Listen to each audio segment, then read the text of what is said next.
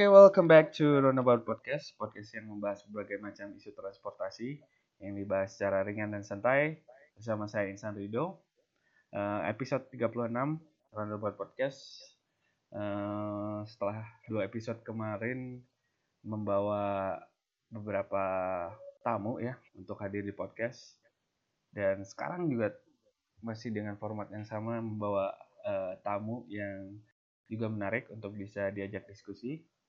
Uh, kali ini kita akan ngebahas soal angkot ya, angkutan kota, terutama di kota Bandung dan kali ini uh, tamu yang dibawa uh, membawa uh, sudut pandang dari pengguna dan juga pemerhati transportasi ya, terutama di kota Bandung. Ya, tanpa berbahasa basi lagi, langsung saja kita kenalkan Nadine Stiti. Halo, selamat pagi ya, Nadine.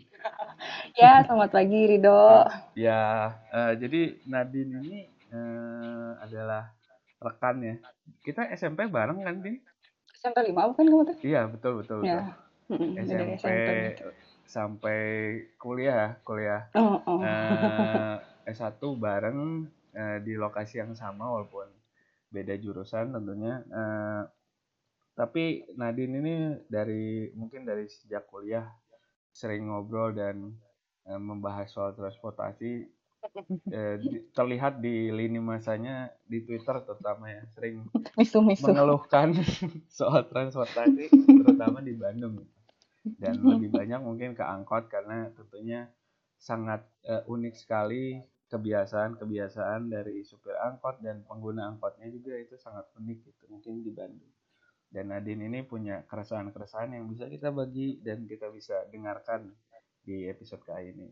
Nah, sebelum ke sana, uh, mungkin Nadine bisa kenalkan diri secara singkat dulu mungkin uh, pekerjaannya, profesinya, dan mungkin uh, kebiasaan hari-hari kalau ke kantor atau ke tempat kerja tuh gimana sih, naik apa? Silakan, Din. Oke. Okay. Iya, halo. Uh, aku Nadine kalau kerjaan sih semacam project manager gitu di sebuah marketplace di Indonesia. Ya. Uh, terus kalau sehubungan dengan transportasi sih pengalaman transportasi aku ya oh zaman dulu pas zaman SMA tuh pasti ke mana-mana naik angkot.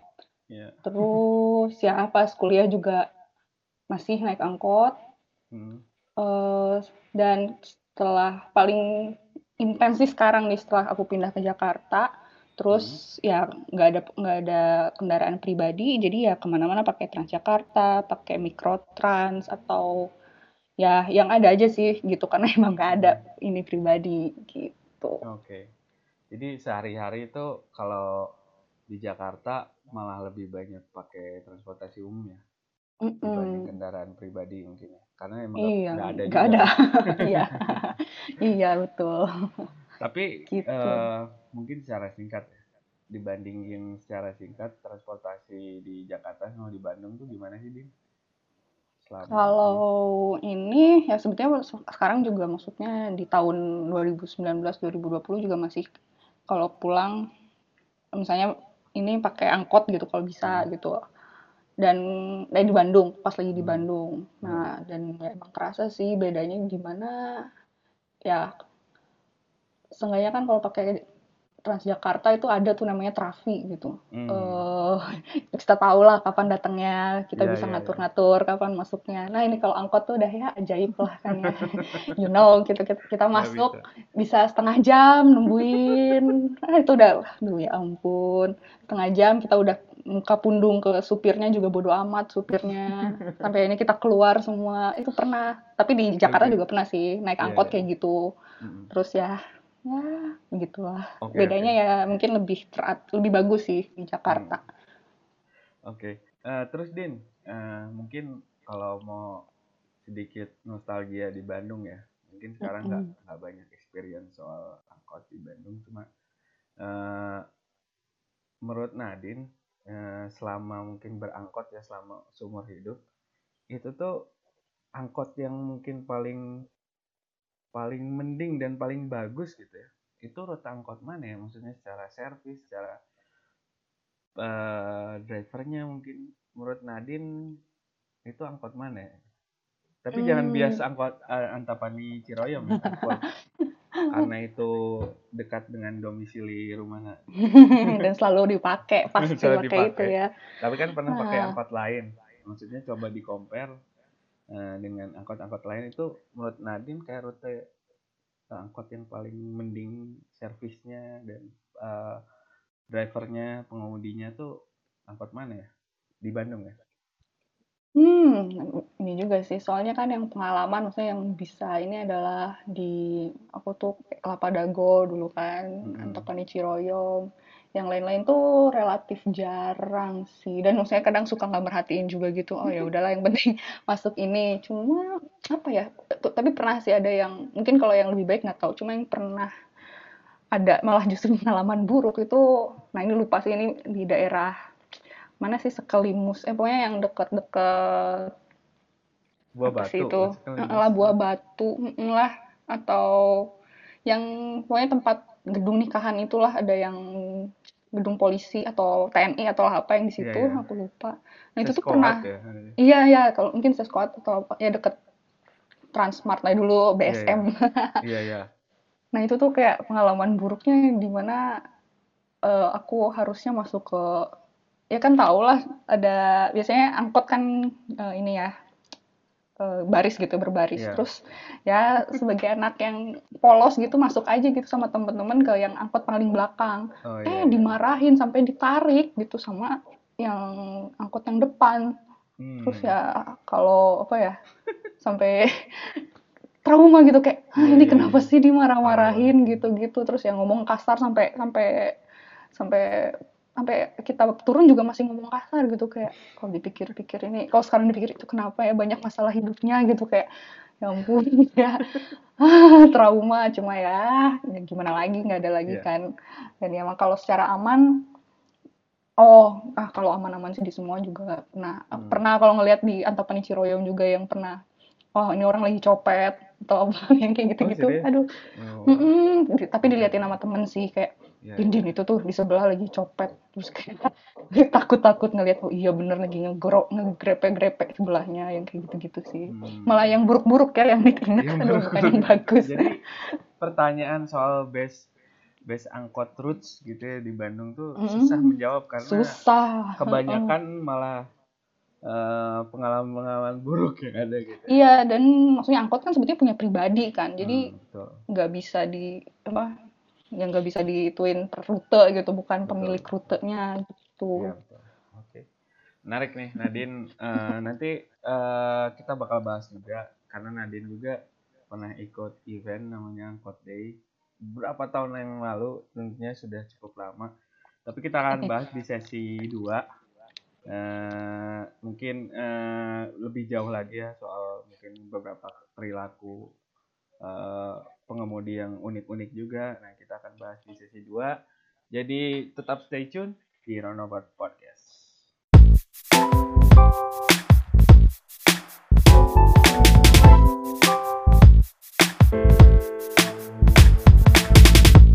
Oke, okay, kembali lagi ke Roundabout Podcast bersama Nadine Stiti. Um, Edin, tadi kan ngebahas soal angkot ya dan tadi kita juga udah sempat pengen ngebahas soal angkot day. Um, mm-hmm. Angkot day itu dulu 2013 ya Din ya? Iya. Ya, mm-hmm. Pas zaman zaman yeah. masih kita masih kuliah, terus juga mm-hmm. angkot day juga bisa dijelasin nggak Din kayak dulu tuh sebenarnya angkot day itu program untuk apa dan seperti apa sih? Nah, kalau untuk apanya sih sebetulnya waktu itu aku juga lupa-lupa ingat. Cuma intinya adalah ada rekrutmen relawan di mana satu untuk satu hari di mana angkot itu angkot Kelapa Dago tuh gratis. Hmm. Jadi uh, ya mungkin gratisnya tuh untuk semua orang. Nah mungkin dari relawan-relawan tersebut tuh nanti kita lihat perilaku perilakunya tuh gimana gitu. Mungkin pengen disimulasiin gitu gimana sih sebetulnya kalau transport itu gratis. Mungkin ya aku juga takut salah gitu. Hmm. hmm, hmm. Dan mungkin juga uh, keluarannya ya uh, ada solusi lah gimana caranya biar orang pakai transport umum. Terus sih habis daftar waktu itu ya harus dari yang inget tuh aku harus kumpul di terminal Dago pagi-pagi banget subuh Iya. terus ya mulai mulai ikut aja gitu jadi di- ibaratnya oh ya karena sebetulnya kan permasalahan angkot yang di ini kan ngetem nah dengan Betul. adanya gratis itu diharapkan jadi dia nggak usah ngetem gitu kan jadi beneran Hmm. langsung lancar aja satu sa- dari Kelapa Dago bolak-balik beberapa kali nah jadi ya udah sih kita eh, mel- melakukan perjalanan kayak gitu-gitu dan Hmm. dan aku sebagai relawannya juga duduk di belakang angkot pem- ini angkot jadi ngeobservasi ini Observasi dan ya. juga eh, observasi penumpang dan juga ngobrol juga sih sama supir-supir angkotnya kayak gitu jadi ya suka dapat insight jadi dapat insight sih kayak oh ternyata begini ya kerjanya bla- eh, jam kerjanya eh jamnya gimana kayak gitu Hmm. sih Tapi berarti dulu cuma kelapa dagu aja nggak sih, Din? Ya, cuma Mm-mm. rute doang. Dulu cuma satu jurusan aja sih, Hmm. Dan gitu. penumpangnya juga eh, ada yang belum tahu ya sebelumnya, maksudnya di hari itu tuh gratis, ada juga kan ya? Ya, ada juga nggak tahu, tapi ada juga banyak juga maksudnya kayak pengaruh karena tahu gratis jadi ya ikut gitu. Ikut. Jadi ya sebetulnya kalau kalau ini mungkin agak-agak kurang kalau dari sisi penelitian jadi agak kurang ini sih mungkin ya. Cuma Iya, kayak iya. jadi menarik juga sih soalnya mereka antusias dan juga kayak banyak komen-komen kan. Iya, iya. kayak harus oh sebetulnya harusnya gimana sih gini gini Hmm. gini gitu sih yang menarik tuh ya emang waktu itu saya aku apa ada komentar tuh wah emang kalau di Indonesia itu eh, transport umumnya tuh mewah banget ya bisa di bisa di apa bisa diberhentiin sesuka hati gitu Ya kan kalau di luar negeri mana ada gitu kan Itu ada ada jurusan sarkat sarkastik nggak sih? Nah, nggak tahu sih bisa jadi ya sebetulnya mungkin kesarkas sih. Cuma ya dulu kan polos, oh iya juga ya Iya gitu. ya. Iya benar-benar.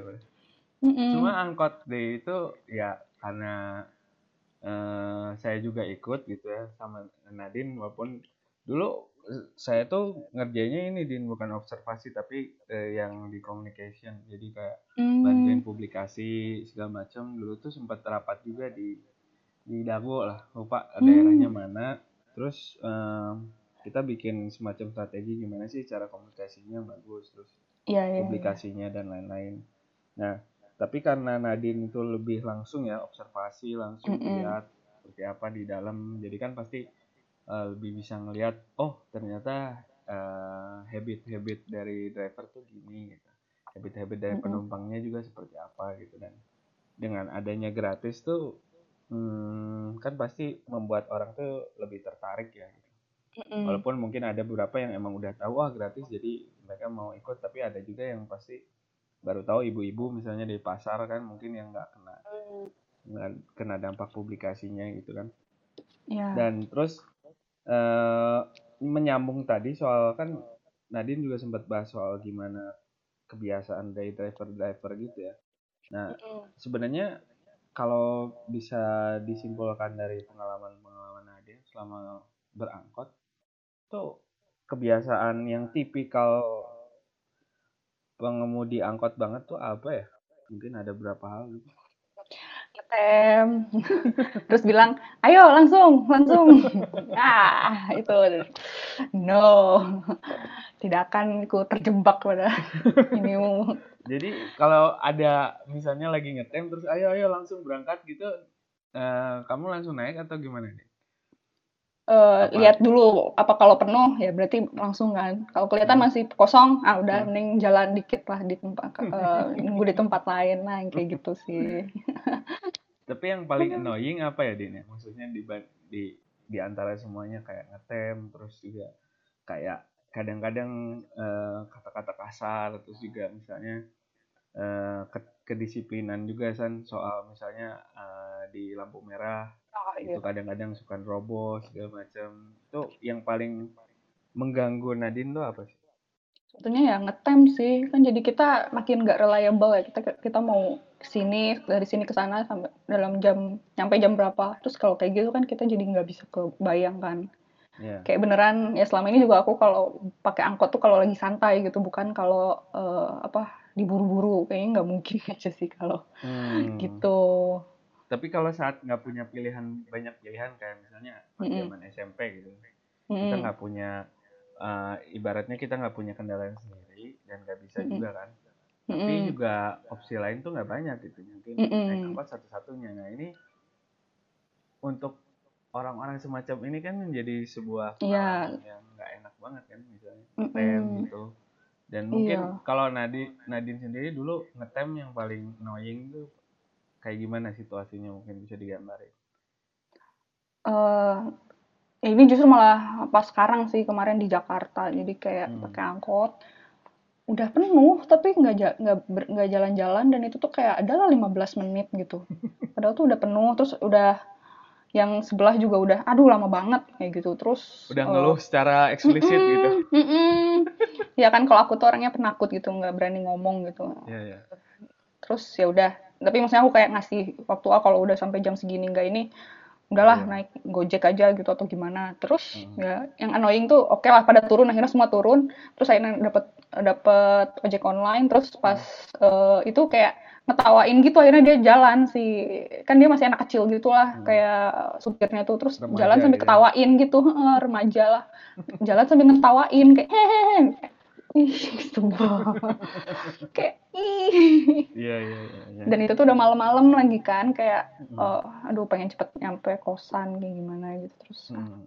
ya oke gitulah kalau dibandingin mungkin kan Nadine tadi sempat bahas mikro mikrotrans ya mikrotrans kan Mm-mm. salah satu eh, ibaratnya program juga yang didukung oleh Transjakarta yang Mm-mm. bekerja sama lah dengan beberapa operator angkot ya di Jakarta yang membuat Mm-mm. eh, beberapa hal yang selama ini kita kesalkan gitu soal misalnya ngetem tarifnya juga kan suka seenak Mm. jidat kan kadang-kadang iya dekat Mm-mm. katanya cuma 3000 kadang-kadang dikasih 10000 kembalinya cuma goceng gitu 5.000. iya itu Iya kayak kan? gitu Itu ada ada triknya ada kan? triknya ada triknya iya juga iya kan ya, maksudnya ya cuma eh, dengan adanya mikrotrans, mikrotrans ini jadinya kan lebih lebih terbuka kan soal tarif Mm-mm. segala macam dan Mm-mm. selama ini tuh Bandung sepertinya tidak ada pergerakan ke arah sana gitu nah iya kayak mm, nggak ada Iya kan? bahkan inisiatif ataupun tuh nggak nggak ada gitu kayak ya udah Iya. malah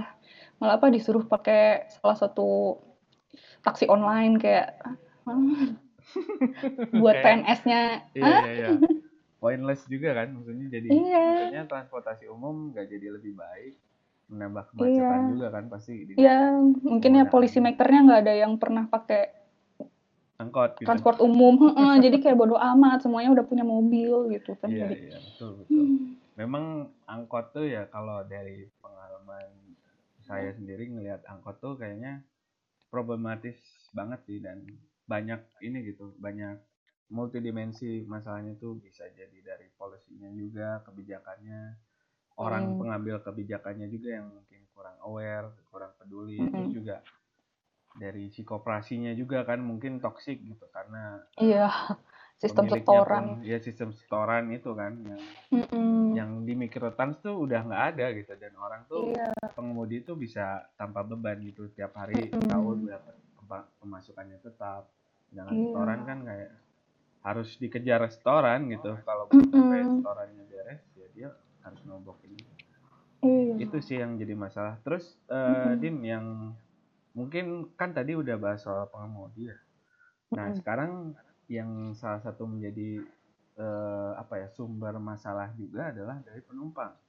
Nah penumpang itu juga kadang-kadang punya banyak eh, apa ya punya banyak kelalaian juga gitu. Yang selama ini Nadine lihat tuh penumpang kesalahan-kesalahan penumpang dalam berangkat tuh apa aja sih yang Nadine lihat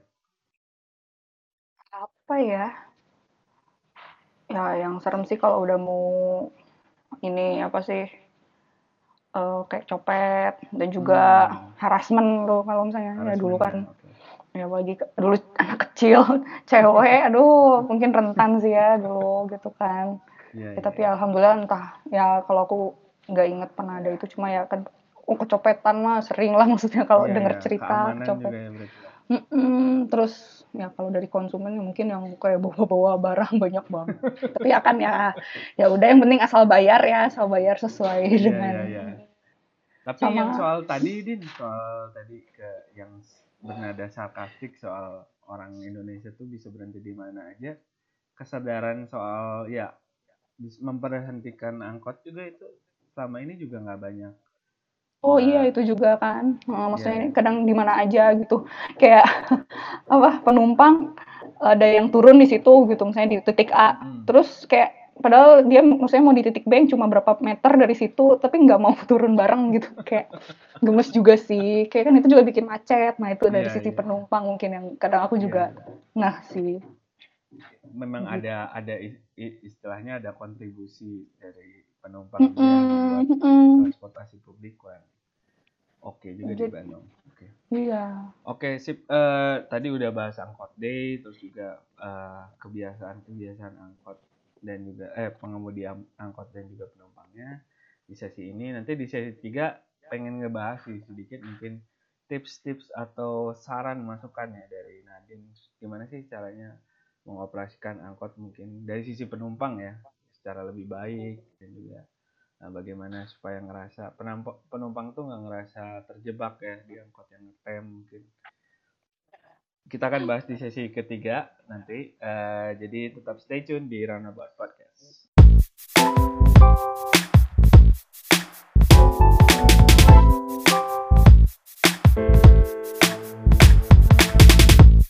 Ya, kembali lagi di Roundabout Podcast. Uh, masih bersama Nadine. Uh, di sesi tiga, sesi terakhir ini kita akan ngebahas soal uh, bagaimana menggunakan angkot secara lebih uh, layak dan lebih baik. Tentunya Nadine juga sempat punya pengalaman kan di Jakarta yang mungkin secara walaupun nggak nggak sepenuhnya lebih baik tapi ada pengalaman-pengalaman positif juga kan di Jakarta. Nah mungkin kalau direfleksikan dari pengalaman Nadine yang kebanyakan buruk kalau di Bandung, uh, itu apa sih yang bisa dibenahi mungkin di Bandung? Dari sisi kacamata Nadine sebagai mungkin uh, ex pengguna ya pengguna tetap. Iya. Ya sebenarnya sistem mikrotrans di itu bagus sih. Jadi aku juga udah waktu itu udah nyoba. Hmm. oh ya sekali beberapa kali lah. Dan ya kan karena masih gratis wah seneng banget gitu. Ya pertama-tama sih kan sebetulnya enaknya tuh adalah nggak ngetem karena ya yang nggak ada sistem setoran yang menurut aku toksik ya gimana oh, gitu iya, kayak ya, okay. uh, jadi, jadi maksudnya di Pikrotans ya udah udah ini udah apa uh, ya udah langsung bisa nggak ngetem lah gitu karena ya hmm. si si itunya udah kejamin si apa sih si ya pemasukan si supirnya juga udah terjamin gitu kan cuma ternyata kalau kalau ngobrol-ngobrol ke mereka lebih ya jadi dapatnya bulanan kayak mungkin mereka kebiasaannya dua minggu atau gimana ya oh. tiap hari kan mereka harian dapat ya tapi oh, itu iya, mungkin iya. ya nggak tahu sih ya mungkin kayak itu emang tipikal gimana uh, tipikal kalau ekonomi untuk mereka kayak gitu gitu harian mereka yeah, dibanding betul. bulanan gitu jadi mereka ngerasa berat gitu spending habitnya juga mungkin mm -hmm. mm -hmm. jadi ya kalau mereka kan ya, ya harian beneran yang ada hari itu dipakai hari itu gitu Nah, hmm. nah itu dari sisi mereka gitu. Terus sisi mereka sendiri katanya ngerasa keberatan karena beneran diawasin gitu. Kalau dari hmm. sisi kalau kalau nggak kalau nggak kan sebenarnya mereka kayak berhenti banget tuh bahkan di gang-gang gitu ya depan-depan yeah, gang yeah, tuh yeah. berhenti dan itu tuh katanya di sebenarnya diawasin. Ya kalau hmm. dari sisi kalau dari sisi kita sih jadi maksudnya pas lagi kosong itu juga di dinilai gitu harus tetap hmm. berhenti.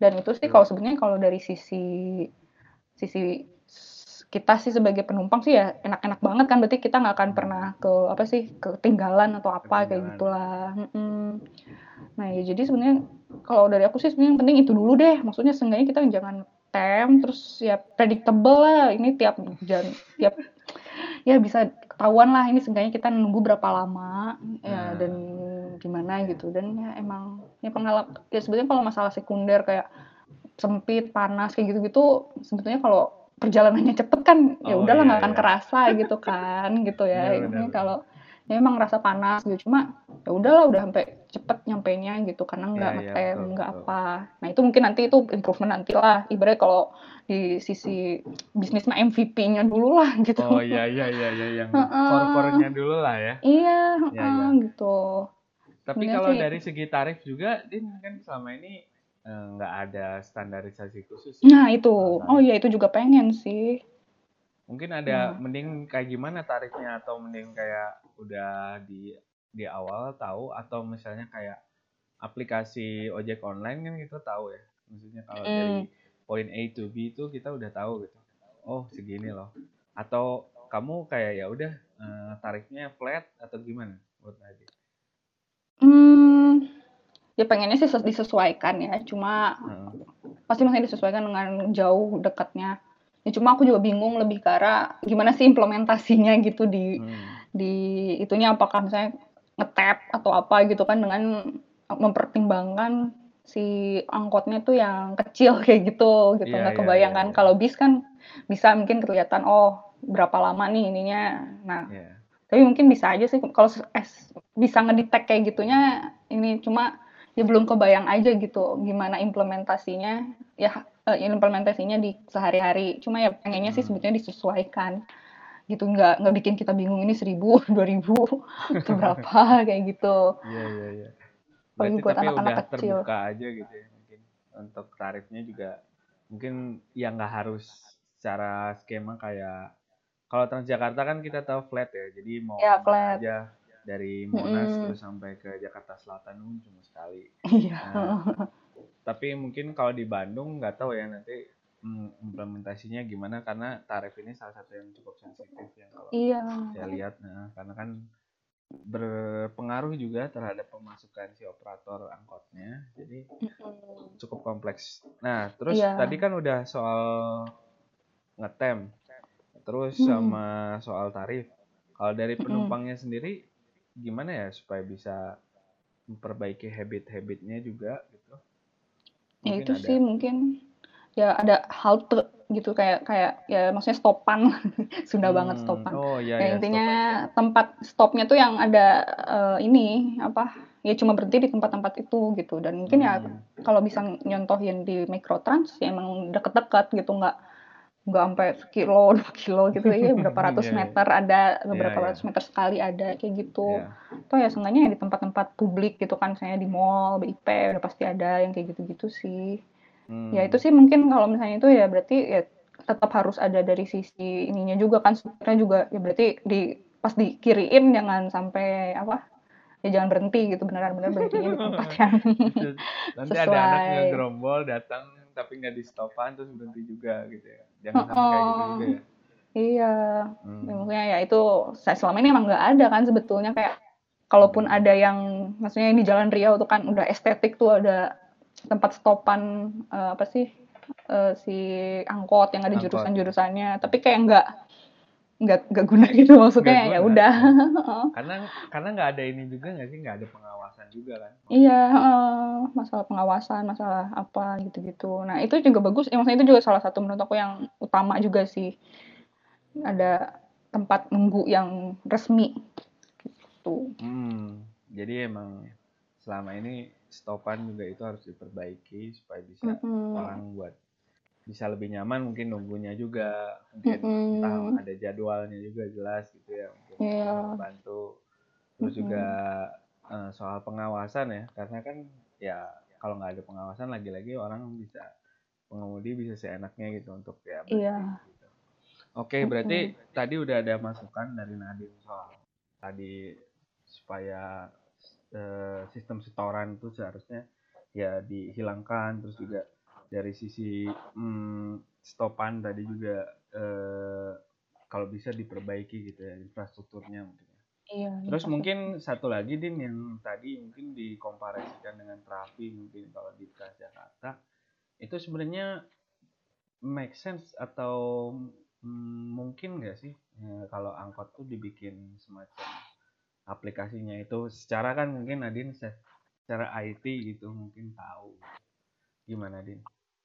Ya harusnya sih mungkin-mungkin aja ya maksudnya kan itu berarti ada dipasang semacam ya aku nggak terlalu tahu detailnya mungkin ya semacam GPS atau apa di tiap di tiap angkot ya cuma ya paling harus mastiin juga aja sih nggak di ya tahulah kebiasaan warga ini misalnya tiba-tiba di di apalah tiba-tiba lepas aja nggak ada gitu ya. di eh, dijual atau gimana gitu kan kayak Iya iya. iya. ya itu ya paling bagian itu udah harus udah ranah-ranah ya kebijakan sih pastikan Iya. kayak gitu gimana Tapi mungkin ya, maksudnya untuk nge-track angkot semua mungkin supaya orang tuh bisa tahu gitu angkot ini tuh jam segini nyampainya atau estimasi Iya. nyampainya mungkin aja sebenarnya. mungkin kan sebenarnya misalnya kita aja kalau dari Waze dari Google Maps ya kita udah tahu kan dari kita sendiri dari Pokemon Go gitu kita udah tahu kalau kita jalan juga dari sana ke sana iya. tahu tuh nah ini aku juga pasti bisa sih Oke. harusnya Ya, oke sip. Eh, menarik tadi masukan dari Nadine soal angkot. Ya, tentunya kan dari penumpang atau pengguna itu penting banget gitu. Karena transportasi publik kan lagi-lagi eh, akan kembali ke publik gitu. Mm-mm. Selama ini Transjakarta bisa berubah, terus juga nah, transportasi publik yang lain, KRL, komuter lain, terus juga lain-lain di Jakarta tuh berubah ya karena tentunya masukan dari Nah, em, mungkin menyimpulkan sedikit din soal Iya. obrolan kita hari ini. Eh, kira-kira Nadine punya harapan yang positif nggak sih buat angkot terutama di Bandung lah? Apakah kayaknya masih jauh banget atau gimana?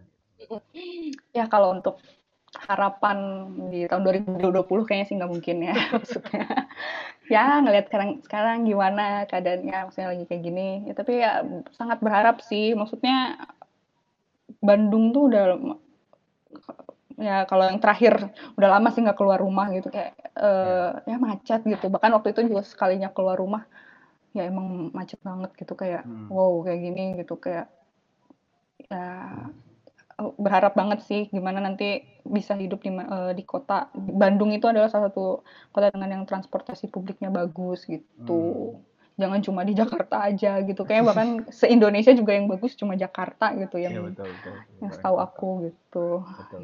Oke, berarti kita udah dapat harapan Nadine tentunya ya kita berharap juga ya Din dari se- Mm-mm. keresahan sejak SMP Iya. kita sampai sekarang yang mungkin belum ber- berubah secara total, secara signifikan ya tentunya mungkin harus banyak hal yang diubah ya dari secara holistik Hmm. gitu ya dari segi segi kebijakan terus juga dari operatornya juga dan bahkan sampai Mm-mm. penumpangnya yang penggunanya juga Iya. Oke, mungkin di episode kali ini segitu dulu aja. Mungkin Din ada pesan-pesan sponsor dari Nadine buat para pengguna transportasi di eh, di Roundabout Podcast ini yang mendengarkan.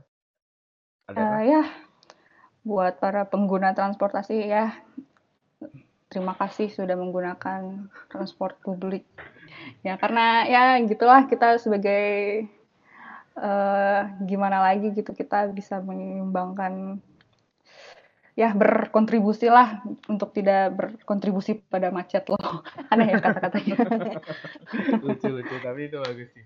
Eh, Oke, terima kasih eh, Nadine sudah eh, bergabung di episode Roundabout Podcast ini.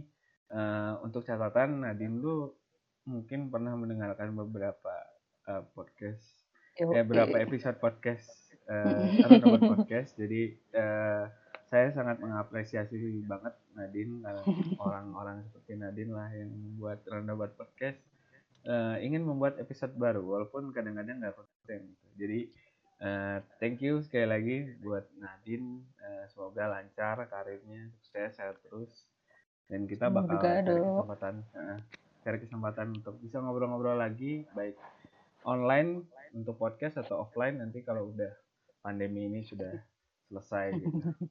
Oke. Iya. eh, terima kasih untuk yang mendengarkan Roundabout Podcast episode kali ini. Kita akan jumpa lagi di episode Roundabout Podcast selanjutnya yang eh, membahas tentang materi-materi dan eh, topik yang seru juga. Jadi tetap mendengarkan Roundabout Podcast di episode selanjutnya dan sampai jumpa. See you.